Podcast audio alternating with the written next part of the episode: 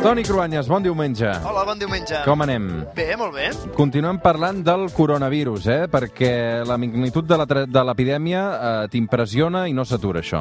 Sí, realment eh, tot està prenent una dimensió estratosfèrica, eh? quan ho posem a escala xinesa. Ara, ara perquè parlem d'una cosa negativa, com és l'expansió d'un virus, i, i clar, estem comptant amb milers els infectats, però tot plegat fa una mica de por. A molta gent li fa por i sobre la por, de fet començant per les empreses que havien de venir al mobile i que no ho faran, ens quedem amb aquesta frase de l'ambaixador de la Xina a Espanya. nuevo coronavirus no tiene pasaporte. Nuestro enemigo común es el coronavirus, no son los chinos. Ara mateix el coronavirus ja no només és un problema de la Xina, és veritat que la reacció de les autoritats xineses també ha estat impressionant i ràpida. Sí, crec que la imatge de com han aconseguit construir un hospital del no-res en tan pocs dies té un punt, jo diria que de fascinació. Hem ensenyat les imatges en els telenotícies i, i diu molt del model de societat i d'economia que és la Xina d'avui, del segle XXI. Capacitat de treball, organització estatal centralitzada, eficiència... És una barreja d'admiració i de por, eh, quan veiem això.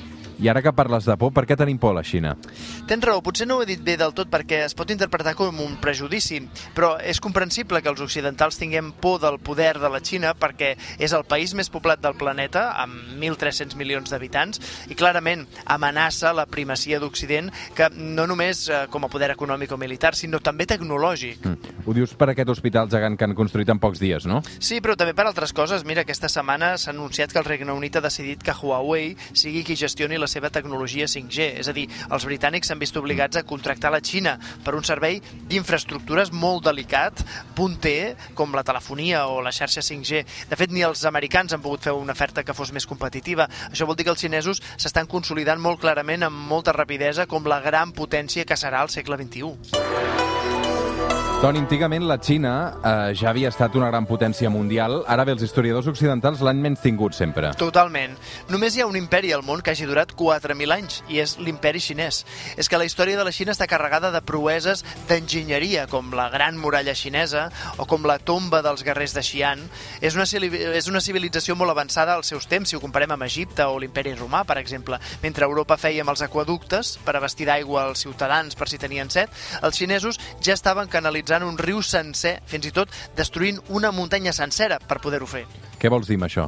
Doncs que la capacitat tecnològica dels xinesos ha estat per davant nostre en molts moments de la història i que per la història xinesa el paper del coneixement, de l'enginyeria, els treballadors de grans estructures empresarials o funcionarials són molt importants, estan molt assentades a la societat. Per exemple, són la societat en què es coneix que abans de generalitzar els papers dels funcionaris re reials contractats eh, per un sistema d'oposicions van aparèixer des de fa mil·lennis a l'estat xinès el que se'n diu la cort o l'imperi que té els seus grans buròcrates. Són els que organitzen de manera eficient i amb autoritat tot el sector públic. Són els mandarins, no? Sí, eren gent de gran formació que havien de passar uns exàmens duríssims, unes oposicions, una base molt important sobre la que es fonamenta l'imperi xinès abans i després també fins als nostres dies en el Partit Comunista des de la Revolució de 1949.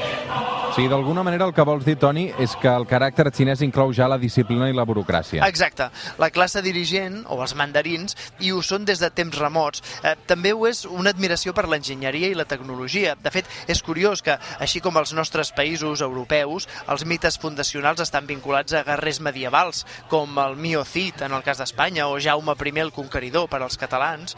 A la Xina, el que es considera com el primer pare de la pàtria, o unificador, és un enginyer civil, un tècnic, un funcionari De quina època parlem? del segle III abans de Crist. Mira, abans d'aquella època i durant segles, el territori a l'entorn del riu Min, que és un afluent del Yangtze, que és el tercer riu més gran del món, i que neix a Sichuan, per situar-nos, doncs aquest riu Min, que s'allarga uns 750 quilòmetres, és on vivien els Xin, un grup ètnic, que en podríem dir un poble, un país, en el que avui en diríem el cor de la Xina. Llavors, aquella zona estava dividida en set regnes que lluitaven entre ells per l'hegemonia.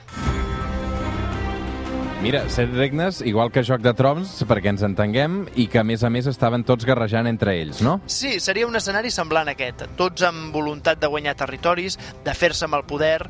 El tron de ferro, seguint amb aquest paral·lelisme amb la sèrie de Joc de Trons, serien els Shin, que eren el poble que havia guerrejat més, que havia aconseguit la victòria sobre els altres i que es va trobar després amb una dificultat enorme, l'abastiment de la seva pròpia població, dels pobles nous conquerits.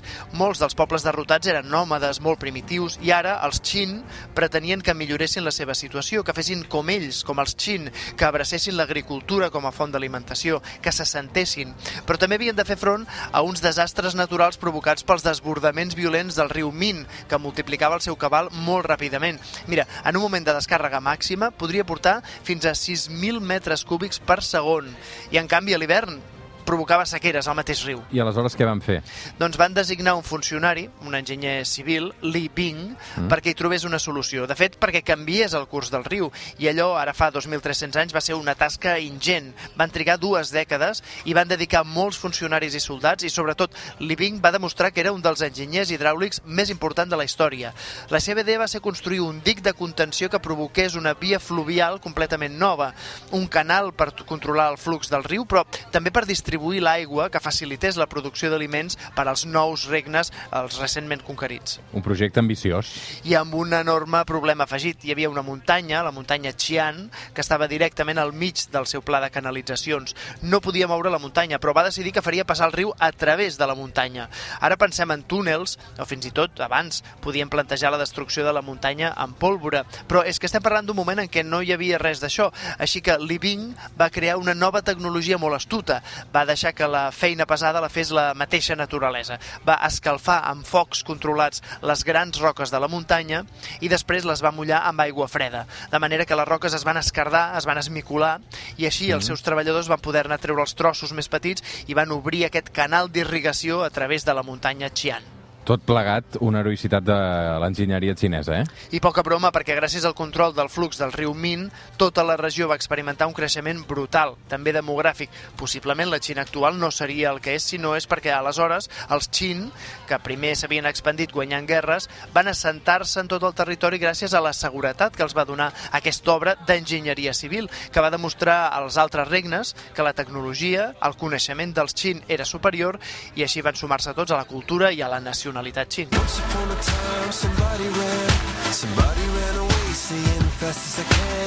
D'aquell petit regne del Xin de fa més de 2.000 anys ve el nom ara, no?, de tota la Xina, no, Toni? Sí, exacte. Del Xin ve la Xina. Doncs avui arribarem a les 9 del matí amb aquests Coldplay i amb la Rihanna que es diu Princess of China, aquesta cançó que van publicar fa uns anys, crec ja. Sí. T'agrada Coldplay o no? Sí, m'agrada Coldplay, sí. I, I també m'agrada molt aquest concepte que he volgut insistir avui, no? aquest mite fundacional d'un país eh, basat en una infraestructura, en la creació del que vol aportar benestar i cohesió a la gent i que en el fons està eh, en, el, en el paradigma del que és xinès encara avui. Era una història poc coneguda i avui també ens hem volgut fer ressò aquí al suplement. Uh, Toni, ahir que parlem de la Xina, mira, et recomano molt Cala Ling, és el nou llibre de la Gemma Ruiz. Ja, ja l'he llegit. Eh, jo encara no, tinc ganes de llegir-lo, eh? Però sé que és companya teva sí, sí, i sí. que sou amics i, i en tornarem a sentir parlar molt de la Gemma. Història de fusió, no?, de la Xina i de Catalunya, m'imagino. Sí, però passa, passa a casa nostra, eh, aquesta història, i, i està molt bé. Um, una abraçada. Gràcies. Bon diumenge.